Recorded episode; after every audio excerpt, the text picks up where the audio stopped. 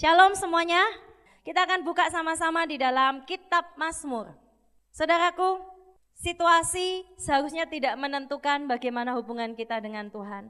Seringkali kita merasa kalau ibadah sepi, yang datang sedikit, atau kita sedang capek, kita sedang letih, rasanya ibadah pun rasanya capek, rasanya hadirat Tuhan pun tidak ada. Tapi sebenarnya kalau dipikir-pikir apakah betul itu karena suasana, karena musikkah, karena apakah gitu ya, karena hamba Tuhan yang menyampaikan. Tapi saya percaya kalau hati kita benar-benar lapar dan haus akan Tuhan. Anda datang ke tempat ini bukan tujuannya pengen cepat selesai lalu jalan-jalan.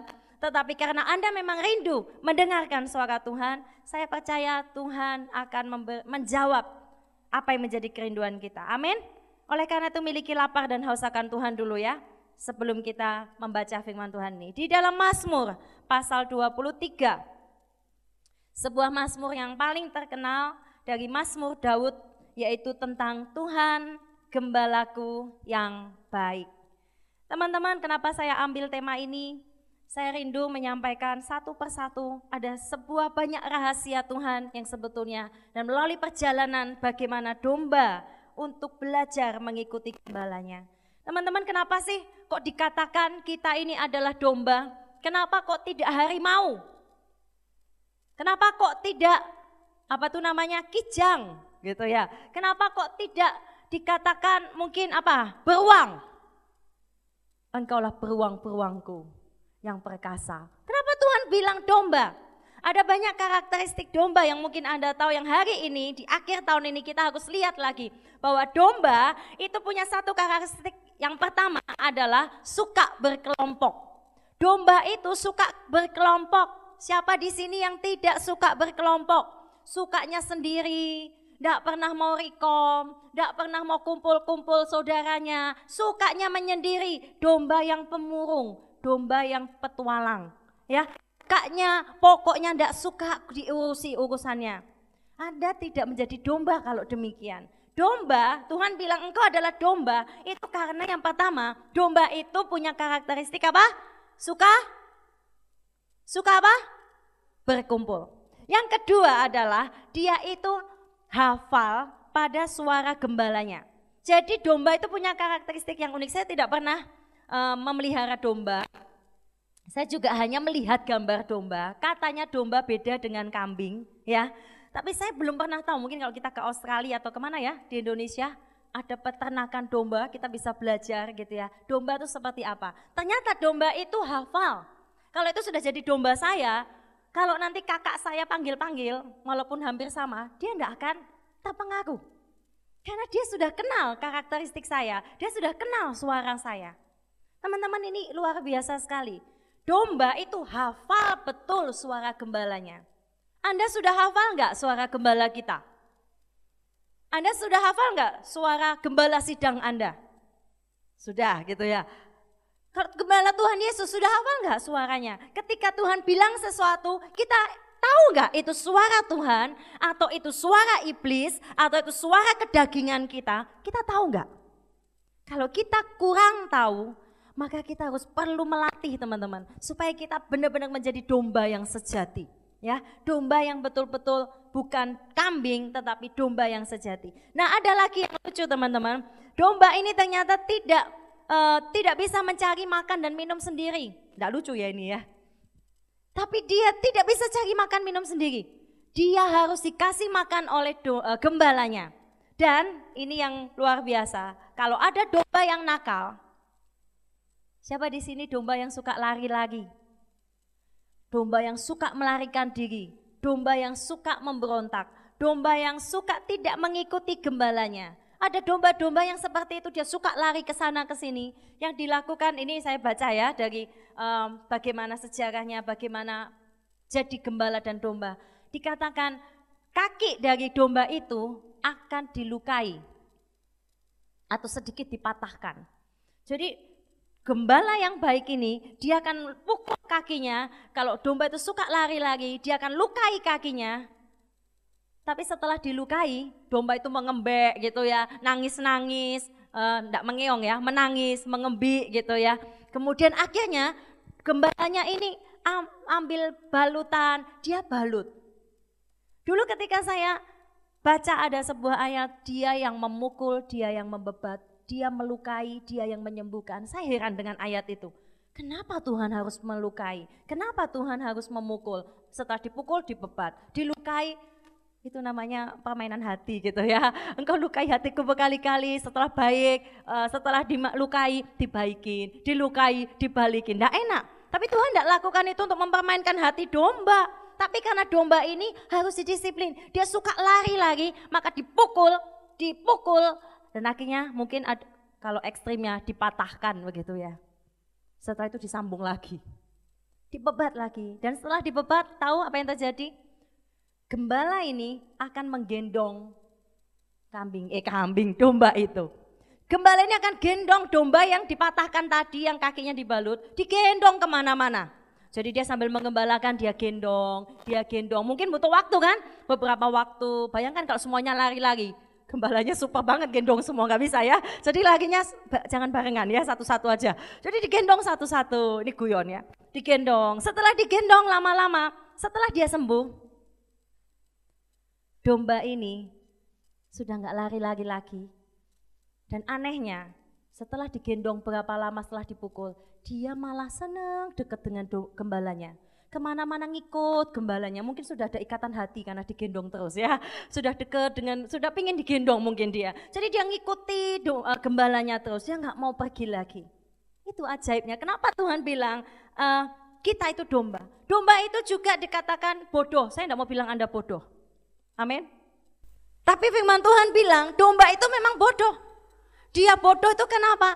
Mudah disesatkan. Mudah, uh, dia tuh lemah. Dia tuh enggak bisa kalau enggak bergantung sama tuannya. Dia tuh enggak bisa cari makan, minum sendiri. Uh, kemudian dia kadang ke sana ke sini. Dia tuh enggak ngerti, mudah tersesat. Teman-teman, sadar enggak? Kita ini domba, saya itu mudah tersesat. Kalian itu mudah tersesat. Kita harus sadari, kita itu mudah tersesat, kita tuh lemah, kita tuh tidak berdaya. Kenapa Tuhan bilang kita ini domba? Kenapa bukan serigala? Oh kok serigala jahat ya? Oh harimau, singa gitu ya. Kenapa? Karena Tuhan mau kita sebagai domba bergantung penuh kepada gembala kita. Nah teman-teman, setelah tadi ya, dia sudah disembuhkan tadi, uh, gembala-gembala ini akan memberikan makan itu dekat dengan uh, dombanya. Tidak seperti kalau Anda kasih makan gajah eh, atau kasih makan apa, kalian lempar dari jauh, tangkap gitu ya. Tangkap, benar ya ke, ke taman safari ya atau monyet gitu ya. Anda kan lempar-lempar. Domba enggak begitu. Domba kalau gembala kasih makan domba, itu intim sekali, itu dekat sekali, kayak bergaul karib sambil dilus-lus, selalu ada di dekatnya. Itu gembala. Nah, teman-teman, hari ini saya akan lihatkan di Mazmur 23. Mari kita lihat. Mazmur 23 ada saya Anda saya ingin Anda mengingat pesan di akhir tahun ini 10M yang Tuhan lakukan kepada kita dan kita refleksi ya hari ini. Yang pertama adalah Tuhan adalah gembalaku. Takkan? Ayo baca sekali lagi. Dua, tiga. Nah, M yang pertama adalah dia menggembalakan kita. Teman-teman, Tuhan adalah gembalaku ini, yaitu adalah salah satu nama Tuhan kita. Kalau nama Tuhan kita ada Yehova Rapa, Yehova Jireh, ya, Yehova Shalom, Yehova Makades dan lain sebagainya yang kapan uh, Bapak Gembala juga pernah ceritakan. Di sini adalah satu, gembalaku adalah Yehova, ada yang tahu? Siapa selain ketua pendoa yang ngomong? Yehova Rohi.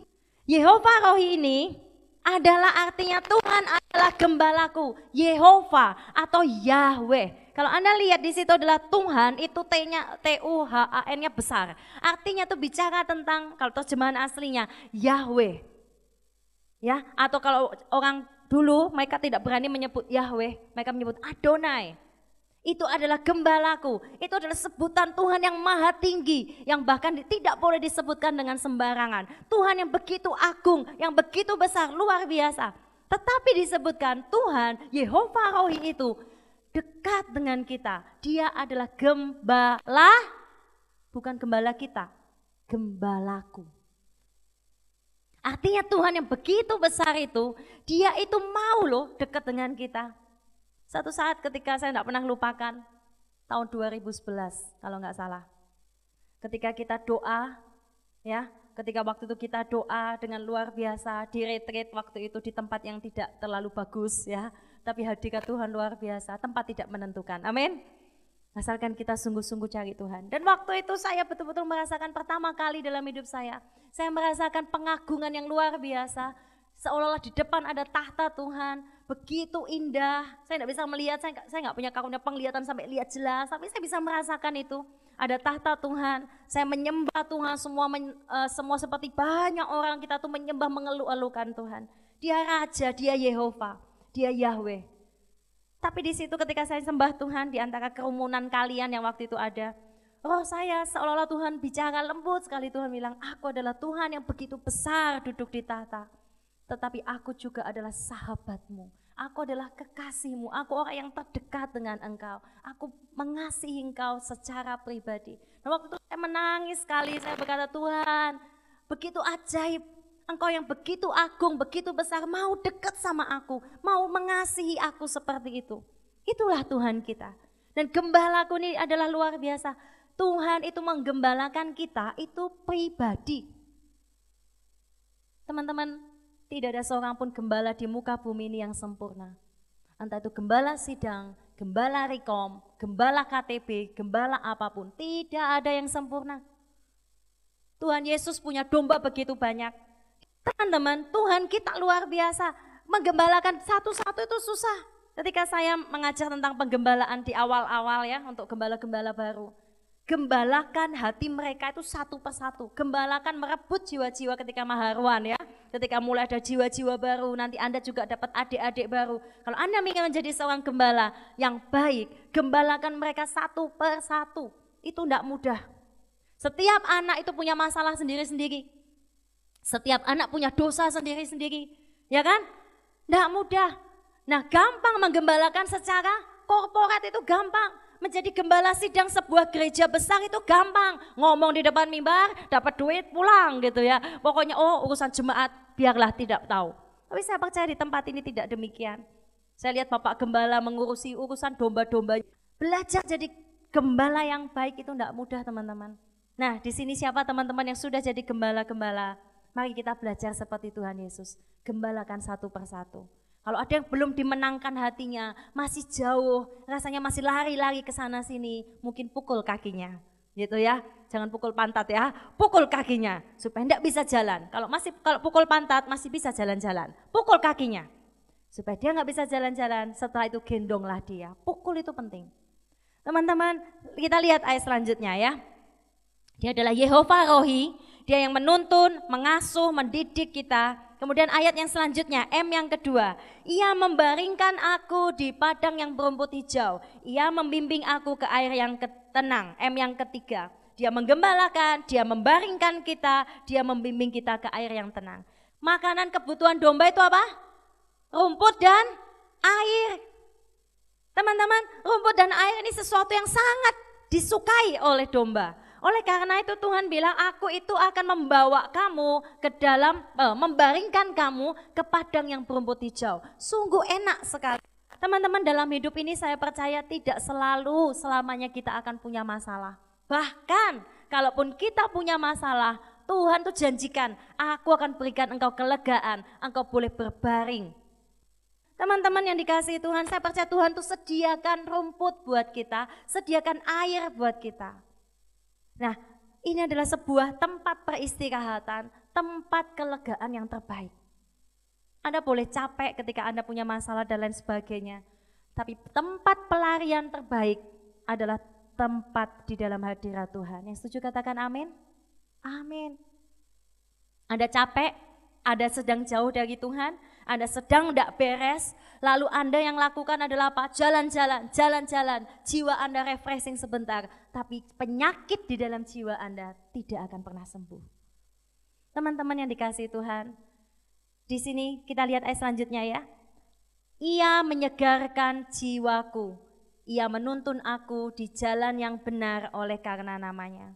Seringkali teman-teman, ketika kita lihat rumput dan air, kita begitu terpikat, ini ada sebuah tempat kelegaan, sebuah tempat janji-janji Tuhan, kita dapat yang kita perlukan, Tuhan janji akan mencukupi semuanya. Tapi bahayanya teman-teman, ketika domba-domba ini begitu terpesona dengan rumput itu, dan begitu terpesona oleh air itu, dia lupa ketika gembalanya memanggil dia, dia lupa. Padahal gembalanya ingin membawa dia ke tempat yang lain. Dia begitu terpaku kepada berkat-berkat dan janji Tuhan. Ini juga bisa terjadi dalam hidup kita loh. Hati-hati. Tapi kalau kita terikat dengan sesuatu itu, dengan tempat tertentu, dengan taman kelegaan kita, dengan taman-taman penghiburan kita, begitu terpesona, Anda akan tidak bisa dibawa Tuhan lebih lagi. Sehingga kita lihat hadiah itu begitu indah, tapi kita lupa untuk melihat Tuhan kita. Tahun ini mungkin ada berkat yang sudah kalian terima, kado yang kalian sudah terima dari Tuhan. Tahun depan mungkin saya percaya, bukan mungkin lagi, kita semua akan dapat kado-kado yang dari Tuhan. Amin. Kado tidak harus selalu pasangan loh. Amin. Amin. Kado dari Tuhan tuh macam-macam. Setiap hari Tuhan sudah siapkan berkat buat kita. Nah, teman-teman yang dikasih Tuhan kita lanjut tadi, iya itu mem, uh, menyegarkan jiwaku. Sahabat di sini Anda mau bersaksi, tidak usah maju ke depan. Anda dalam setahun ini sering kali Anda capek, Anda nangis, Anda sudah rasanya tidak kuat lagi. Tapi toh akhirnya tetap jalan. Toh akhirnya Anda tetap ada di sini. Anda tetap bisa memuji Tuhan. Anda tetap tidak keluar dari rencana Tuhan. Itu sebuah kasih karunia Tuhan. Itu sebuah pemeliharaan dari gembala kita loh. Saya lihat kalau dalam hidup saya ada yang misalnya ada yang tanya, Cici apakah kepingin, pernah pingin sudah capek, enggak pingin apa-apa? Iya, saya pernah. Kita bisa capek, betul? Kita bisa letih, kita bisa nakal, kita bisa tersesat. Tapi teman-teman, jangan lupakan ini, bahwa Tuhan itu menuntun kita ke jalan yang benar. Nah kalau domba-domba ini atau kita semua adalah domba-domba yang tidak mau dituntun, maka kita akan tersesat dan hilang selamanya. Belajar mau dituntun sama Tuhan. Belajar mau dikuatkan sama Tuhan. Belajar mau dihibur sama Tuhan. Bisa nggak kita itu nggak mau dihibur? Bisa loh. Dombanya dilus-lus. Nggak usah ngelus-ngelus aku. Dikasih makan. Nggak usah makan. Ini domba nggak mau dihibur. Mau digendong. Nggak usah gendong-gendong aku. Kita sering kali jadi domba-domba yang bete. Domba-domba bad mood. Domba-domba galau gitu ya. Nggak mau dihibur. Berapa banyak kita sudah sedih, kita mengasihani diri, aduh cintaku tidak diterima, aduh nilaiku jelek, aduh misalnya kita kehilangan orang yang kita cintai, kita tidak mau dihibur. Tuhan menyegarkan jiwaku. Ketika Anda cuape, yang paling enak Anda lakukan apa? Tidur. Ya kan? Anda tidur sambil meneteskan air mata. Waduh, kok Cici kok tahu? Saya tahu gitu ya. Anda meneteskan air mata sambil berdoa ngom, ngom, apa, ngomong sendiri pelan-pelan sama Tuhan. Ah, Tuhan capek Tuhan. Ngomong-ngomong sendiri kan? Anda sambil tertidur. Dan ketika pagi hari Anda berdoa, Anda nggak bisa ngomong lagi sambil tiduran. Pagi-pagi Anda dapat kekuatan baru. Seolah semalam itu mimpi buruk gitu ya. Dan Anda pagi bangun, Anda percaya ada kasih Tuhan, ada rahmat Tuhan yang baru, kekuatan Tuhan baru. Tahu nggak, selama ini siapa yang menguatkan Anda? Tuhan Yesus. Bukan pacarmu, bukan teman spesialmu. Teman spesialmu bisa menyakiti engkau. Amin. Oh, sahabatmu bisa menyakiti engkau. Gembalamu bisa menyakiti engkau. Tapi siapa yang ada menemani kita, memulihkan jiwa kita saat tidak seorang pun tahu. Yesus dia gembala kita. Oleh karena itu, mari kita hari ini bersyukur teman-teman. Dia itu memulihkan jiwa kita. Uh, Matius, Matius 11 ayat 28 dikatakan, Mari kepadaku yang letih lesu beban berat, aku akan berikan kau kelegaan. Dalam bahasa Inggrisnya keren, I will give you rest. Aku akan memberikan engkau istirahat. Tubuh kita bisa disegarkan teman-teman, tapi jiwa ini paling sukar. Roh kita bisa disegarkan loh. Roh kita mudah disegarkan. Roh kita tuh penurut. Ada sembah Tuhan, ada dengerin lagu-lagu rohani, ada dengerin khotbah, ada baca firman. Roh kita segar, tapi jiwa kita belum tentu. Jiwa kita ini suka tersesat, jiwa kita ini suka dihibur. Oleh karena itu mari kita jadi domba-domba yang mau dihibur Tuhan. Cara Tuhan menghibur tuh dengan cara yang luar biasa loh. Tidak harus dihibur tuh dengan sesuatu yang besar. Percayalah, cara Tuhan menghibur kita itu lewat hal-hal kecil yang bahkan kita tidak sadari. Nikmati itu, maka engkau akan terhibur. Selanjutnya ya, jadi kita mau dituntun sama Tuhan. Lanjut ayat yang ke Empat, baca sama-sama, dua, tiga. Sudah? Nah, kalau tadi Tuhan siapkan eh, lembah yang penuh dengan padang, rumput, dan air, disampailah di ayat yang keempat, bahwa sekalipun aku berjalan di dalam lembah kekelaman, siapa yang tahun ini gak pernah berjalan di lembah kekelaman? Mungkin Anda pernah berjalan di lembah kekelaman. Apa sih lembah kekelaman itu?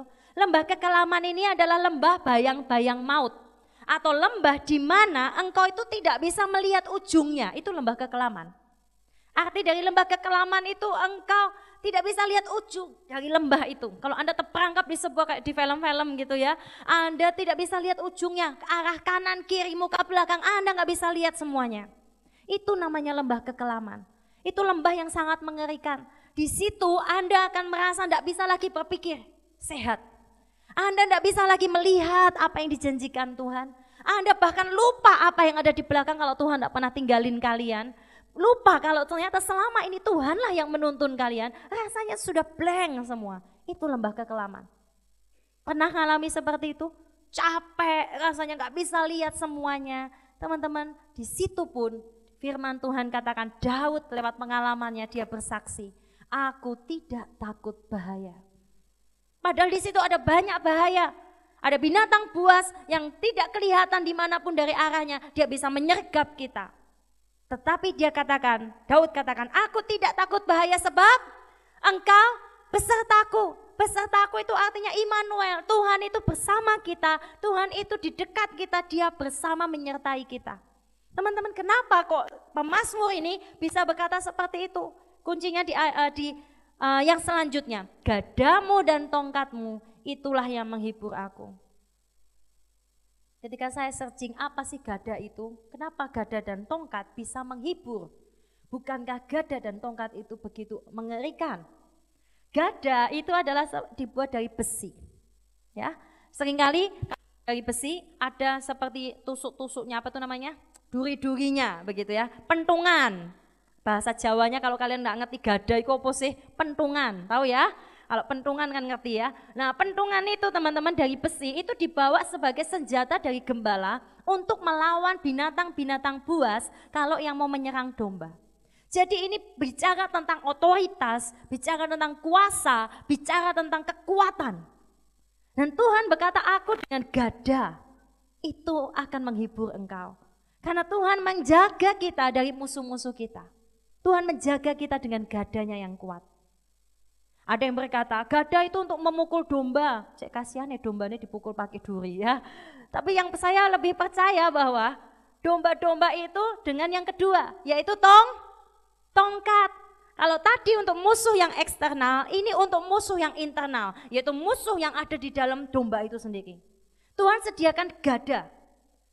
Tetapi hati-hati, sering kali tongkat itu akan mengenai kita. Mungkin belum gada ya, bukan gada, tapi tongkat. Tongkat itu adalah dari kayu, tidak dari besi dan ujungnya melengkung seperti huruf N. Dan dia digunakan untuk apa? Menggembalakan. Dia digunakan untuk menarik leher dari domba-domba supaya dia kalau ada yang memulai jauh dia tarik itu aja lehernya lalu dideketin lagi. Ada yang menjauh ditarik lagi. Dan dia digunakan untuk memukul domba-dombanya. Nah, teman-teman, tongkat dan gada, didikan Tuhan, disiplin dari Tuhan, saya percaya itu suatu saat kita akan sadar itu menghibur kita. Menghibur kita maksudnya apa? Bukankah di disiplin itu sakit? Ada sebuah quote yang berkata begini, ada dua rasa sakit dalam hidup. Yang pertama adalah sakit karena penyesalan, yang kedua adalah sakit karena disiplin. Di disiplin itu tidak enak, Tujuannya tadi mendisiplin tadi ya, adalah supaya begini, ketika Anda jauh dari Tuhan, kalau tidak didisiplin teman-teman, Anda akan lihat nanti hidup Anda akan hancur, masa depan Anda akan hancur, panggilan Tuhan dalam hidup kalian tidak akan terjadi. Karena kita nggak didisiplin. Tapi ketika Anda lihat kembali apa yang sudah terjadi setahun ini, bagaimana Tuhan mendisiplin kita, saya percaya Anda akan terhibur. Karena ternyata Tuhan tidak membiarkan Anda. Amin. Senang didisiplin Tuhan? Senang. Karena kalau kita dibiarkan begitu saja, kita akan hancur. Kalau saya dibiarkan Tuhan menuruti kedagingan saya, saya akan hancur. Tapi saya bersyukur Tuhan disiplin saya, saya bersyukur Tuhan pukul saya. Karena setiap kali saya mau lari, setiap kali saya jatuh, setiap kali saya tidak kuat, Tuhan berikan kekuatan, Tuhan tegur saya. Walaupun kadang kita tidak suka ditegur, dan memang kita nggak suka ditegur. Tetapi kita belajar karena disiplin yang dari Tuhan itu menghiburkan kita. Amin. Lanjut ayat yang selanjutnya. Engkau menyediakan hidangan bagiku di hadapan lawanku. Teman-teman ini bicara kalau tadi tentang gembala, di ayat yang kelima ini bicara tentang tata raja, eh tata nan dari seorang tamu atau raja. Engkau menyediakan hidangan di uh, hidangan apa tadi? bagiku di hadapan lawanku. Jadi pada waktu itu kalau musuhnya itu sudah jatuh, ya sering kali musuhnya atau raja-raja dari musuh itu akan diikat, kemudian dijadikan tontonan. Sedangkan raja yang menang, eh, pasukan yang menang, itu mereka akan dihidangkan pesta besar-besaran di depan raja yang kalah itu. Jadi di sini maksudnya adalah Tuhan tuh memberikan penghormatan kepada kita sebagai raja. Ada sebuah kontradiksi setelah kita dianggap domba, tiba-tiba kita tuh kayak diangkat Tuhan, bahwa Tuhan memposisikan kita, engkau adalah seorang yang menang, aku akan menyediakan hidangan di hadapan musuhmu, engkau akan menertawakan musuhmu, engkau akan bisa makan dan minum dengan puas di depan musuhmu. Teman-teman, saya percaya janji kemenangan itu masih ada buat kita. Seringkali kita, kalau kita berhadapan dengan raksasa kita, jujur saja, Ketika Anda berhadapan dengan raksasa-raksasa peperangan Anda, sering kali apa? Kita mengkeret bahasa Jawanya. Anda akan tersudut, Anda akan menangis, Anda akan merasa seolah-olah tidak berdaya. Tuhan, rasanya aku nggak sanggup melawan ini. Saya sering kadang protes sama Tuhan, Tuhan berikan aku kemenangan percaya engkau bisa berikan aku kemenangan. Tapi ketika berhadapan dengan raksasa yang sama, kita mungkin belum bisa mengalahkannya. Kita seperti orang yang tidak kenal Tuhan. Kita seperti orang yang sangat ketakutan. Tapi ayat ini luar biasa teman-teman. Ada janji kemenangan. Tuhan tuh sediakan pesta di depan kita. Pernah enggak ada menertawakan musuh seperti itu? Ketika musuh, saya rindu satu saat saya akan bisa mengalami ayat ini dan jemaat ini juga. Ada musuh di depan kita, mereka meronggong kita, tapi kita percaya dia pasti bisa dikalahkan sama Tuhan dan kita menikmati pesta, kita bersyukur, kita tertawa dan berkata, aku bersama Tuhan, aku aman, aku menikmati semuanya. Ingin seperti itu, amin? Amin. Itu janji kemenangan. Tidak semua orang Kristen tuh teman-teman, walaupun mereka sudah ke gereja, pelayanan, bahkan hamba-hamba Tuhan, kita hidup di dalam janji kemenangan loh. Janji kemenangan ini luar biasa. Seringkali kita kalah, kalah, kalah dan kalah. Saya percaya dan saya sangat rindu jemaat ini. Kita semua menjadi jemaat yang penuh dengan kemenangan setiap hari. Tuhan itu tidak pernah menyerah kepada kita. Selama kita masih bernafas, Tuhan mau kita itu bertumbuh di dalam Tuhan. Dan ketika saya berdoa Tuhan berikan saya karunia tahun depan Tuhan. Karunia untuk menguasai diri Tiba-tiba saya langsung tertemplak, saya langsung sadar ketika saya ngomong, iya itu bukan karunia. Tidak pernah ada di dalam satu Korintus atau ayat apa pun, karunia menguasai diri. Menguasai diri itu apa? Penguasaan diri? Buah roh. Beda dengan karunia. Karunia itu seperti ini teman-teman. Saya tidak pernah uh, les menyanyi secara khusus, saya hanya asal suka, tapi saya diberikan karunia untuk menjadi pemasmur. Pemasmur itu seorang yang menciptakan lagu yang bernyanyi menyembah ya. Dan saya diberikan karunia, itu tiba-tiba ada, saya tidak memilih. Dan saya tidak terlalu mengusahakan itu berlebihan, itu karunia. Ada di dalam diri kita masing-masing. Ada yang karunia menyembuhkan, dia begitu mudahnya ketika berdoa, orang itu sembuh. Tapi bagi orang yang tidak punya karunia kesembuhan, gitu, ya, walaupun kita punya kuasa, Mungkin kita perlu dengan doa, dengan puasa, dengan segala macam gitu ya, dengan sungguh-sungguh. Ada yang beda ya, ada yang karunia, ada yang uh, buah. Nah saya salah, ternyata penguasaan diri itu bukan karunia, itu buah. Ketika saya merenung buah itu apa sih? Buah itu dari pohon, harus ada melekat di pohonnya tentunya ya, bukan di luar, harus ada. Kemudian ada nutrisi, ada akarnya, ada nutrisi-nutrisi yang mengalir, dapat oksigen, dapat air. Dia tuh lalu mengalirkan ke dahan-dahannya, ke daunnya, ke buahnya, ke apa tuh namanya daging buahnya. Lama kelamaan membesar, betul? Kemudian dia sehat. Itu semua dari mana? Nutrisi yang dia dapat, dari matahari yang dia dapat. Oleh karena itu teman-teman, penguasaan diri buah-buah roh kita itu harus dilatih tiap tahun harus semakin meningkat. Kalau tahun ini kasihmu sangat kurang, ngamuan terus. Tahun ini kemurahanmu kurang, medite minta ampun. Ya kan? Misalnya untuk Tuhan, gitu ya. Untuk Tuhan, waduh jangan yang besar-besar untuk Tuhan. Tidak murah hati. Tapi saya bersyukur teman-teman ya, jemaat luar biasa ketika saya menghitung kado kemarin beberapa minggu lalu ya, saya cukup terkesan luar biasa. Ada yang kasih simbal, ada yang kasih tempat masak gitu ya, ada yang kasih uh, kesetnya banyak sekali. Itu berarti kita kurang keset ya. Kemudian apalagi ya, ada yang kasih hiasan meja, saya bingung dibuat apa gitu ya. Kemudian ada yang kasih uang, ada yang kasih bunga yang hidup dan banyak macam-macam ya. Kemudian terkumpul juga sejumlah uang yang puji Tuhan tidak akan kami ambil dipakai untuk rumah Tuhan tentunya ya. Nah kita belajar kemurahan, kita belajar kebaikan, damai sejahtera, kita belajar semua itu teman-teman. Mau lebih lagi tahun depan, buahnya harus lebih matang, buahnya harus lebih bisa, lebih besar, lebih manis, tidak boleh pahit lagi. Itu yang namanya pertumbuhan. Ya, kita lanjut lagi. Engkau mengurapi kepalaku dengan minyak, pialaku penuh melimpah. Teman-teman ini juga bicara tentang seorang raja. Seperti Samuel mengurapi Saul, mengurapi Daud. Engkau itu mengurapi aku. Dia tuh memperlakukan kita begitu luar biasa teman-teman. Tuhan itu memperlakukan kita seperti tamu terhormat. Tamu itu raja, seperti seorang raja. Kalau saya sudah cerita ya, kalau ada tamu datang, apa yang dilakukan? Dicium, dibasuh kakinya, dikasih minyak, lalu dikasih makan, dikasih minum, dihidangkan semuanya. Itu namanya tamu pada zaman itu ya.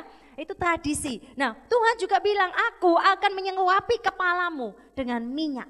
Artinya Tuhan itu begitu menganggap diri kita begitu mulia, begitu berharga. Tapi sering kali kita menganggap diri kita itu tidak berharga. Ayo kita renungkan. Kalau Tuhan aja mengagungkan kita, menganggap kita sedemikian rupa, mengapa kita sering tidak menghargai hidup kita sendiri? Kita tidak jaga kekudusan kita, kita nggak jaga kesehatan kita, kita nggak jaga hubungan kita dengan Tuhan, kita mau dan mudah disesatkan. Kenapa kita tidak menganggap diri kita berharga teman-teman? Padahal Tuhan menganggap kita sangat berharga. Bicara masalah urapan, ya, urapan itu apa sih? Saya buka-buka teman-teman, ada di dalam Yesaya, nggak usah dibuka. Urapan itu adalah sesuatu yang Tuhan berikan kepada kita, Tuhan curahkan. Untuk apa sih tujuan urapan itu? Bukan untuk pamer, bukan untuk supaya orang lain kagum sama kita. Tujuan urapan adalah supaya kita bisa menyelesaikan panggilan Tuhan atau tugas yang sudah Tuhan tentukan buat kita. Anda punya urapan yang berbeda-beda. Ada urapan pribadi, ada urapan korporat. Setiap jemaat harus memiliki urapan pribadi itu teman-teman. Jangan berkata gini, aku tuh bukan siapa-siapa C, aku tuh ndak bisa apa-apa C. Jangan pernah teman-teman. Kita semua itu sangat berharga. Anda punya urapan. Bilang sama dirimu sendiri, aku punya urapan. Katakan dengan keras, dua, tiga. Ya, nah urapan itu gunanya adalah untuk memampukan kita, memerdekakan kita karena urapan atau Mesias itu yang diurapi itu masih tetap memerdekakan kita. Itu membebaskan kita dari belenggu dan kita bisa menyelesaikan apa yang Tuhan tentukan buat kita. Nah, lanjut lagi ya. Sedikit lagi yang terakhir. Kebajikan kemurahan mengikuti aku seumur hidupku dan aku akan diam di rumah Tuhan sepanjang masa. M yang terakhir, kebajikan kemurahan Tuhan mengikuti kita. Artinya begini, anda itu akan merasa aman Kenapa? Karena Anda yakin, Anda tahu kebaikan Tuhan, kebajikan Tuhan, itu kebaikan dan kemurahan Tuhan itu mengikuti kita. Kalau Anda diikuti kebaikan dan kebajikan itu luar biasa loh. Bukan kita yang mencari itu, tapi Tuhan itu yang mengikuti kita. Kebaikan Tuhan itu mengikuti kita. Artinya kita betul-betul merasa aman.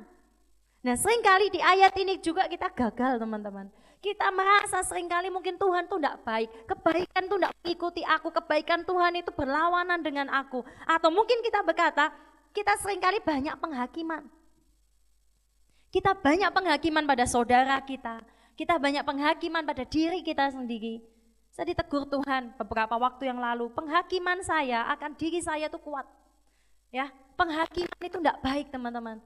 Ketika Anda mungkin ya merasa bahwa Anda kurang melakukan sesuatu atau Anda merasa salah, oke Anda sudah minta ampun, tetapi rasa bersalah, penghakiman terus-menerus, penuduhan itu membuat engkau akan hancur. Kita renungkan firman Tuhan sama-sama ya. Mari kita tundukkan kepala kita, kita renungkan firman Tuhan. Tuhan ingin kita semua merasakan rasa aman di dalam hati kita, jiwa kita. Seringkali kita merasa banyak jiwa kita merasa tidak aman akan masa depan, tidak puas akan masa lalu. Teman-teman semua itu begitu akan merantai hidup kita, begitu akan membelenggu hidup kita. Kita berdoa ada banyak belenggu-belenggu kita akan dipatahkan. Mungkin itu bukan belenggu-belenggu yang terlalu besar kelihatan, tetapi belenggu kecil pun akan sangat menghambat engkau. Akan sangat mungkin itu tidak kelihatan, itu lebih berbahaya lagi. Oleh karena itu kita doa sama Tuhan. Bahwa Aku mau Tuhan dilepaskan dari setiap belenggu-belengguku. Kalau hamba Tuhan yang begitu besar pun bisa jatuh teman-teman. Dia bisa bangkit, dia bisa dipakai Tuhan. Saya percaya ada kematian, ada air mata yang besar yang sudah dia curahkan di hadapan Tuhan. Dan hanya Tuhan yang paling mengerti. Hanya Tuhan yang paling mengerti. Dan dia menjadikan Yesus Roh Kudus sebagai sahabatnya. Mari kita mau belajar juga dari kisah ini, dari kisah Daud yang berkata Tuhan itu gembalaku, Yehova Rohi, gembalaku, aku tidak akan kekurangan, aku tidak akan dibiarkan. Tuhan akan cukupkan semuanya. Mungkin tidak berlebih dengan kaya raya Tuhan berikan semuanya, tetapi cukup apa pun yang kita butuhkan, Tuhan berikan itu cukup buat kita. Apakah jiwa kita juga sering merasa tidak aman? Mari kita mau belajar percaya kebaikan Tuhan. Tuhan itu baik kepada kita. Tuhan itu sayang kepada kita. Dan Tuhan mau supaya kita hidup menurut jalan kebenaran itu. Tuhan menuntun kita, saya percaya Tuhan tuh bicara kepada kita. Tuhan berikan kita roh kudus supaya kita tuh tahu kehendak Tuhan. Oleh karena itu jangan biarkan roh kudus di dalam kita itu pasif biarkan, jangan biarkan roh kudus dalam kita itu kita cuekin, kita tidak mau dengar. Tapi mari bangun hubungan dengan roh kudus, bicara dengan dia setiap waktu. Saya percaya walaupun Anda di dalam lembah kekelaman, Anda tidak pernah sendiri. Saya tidak pernah sendirian. Sekalipun Anda merasa di lembah kekelaman itu, anda sudah nggak bisa lagi berpikir, Anda bahkan mungkin tidak bisa lagi percaya akan kasih Tuhan. Bahkan mungkin Anda meragukan kehadiran Tuhan di tengah-tengah hidupmu. Tapi firman Tuhan, janji Tuhan katakan, aku tidak meninggalkan engkau.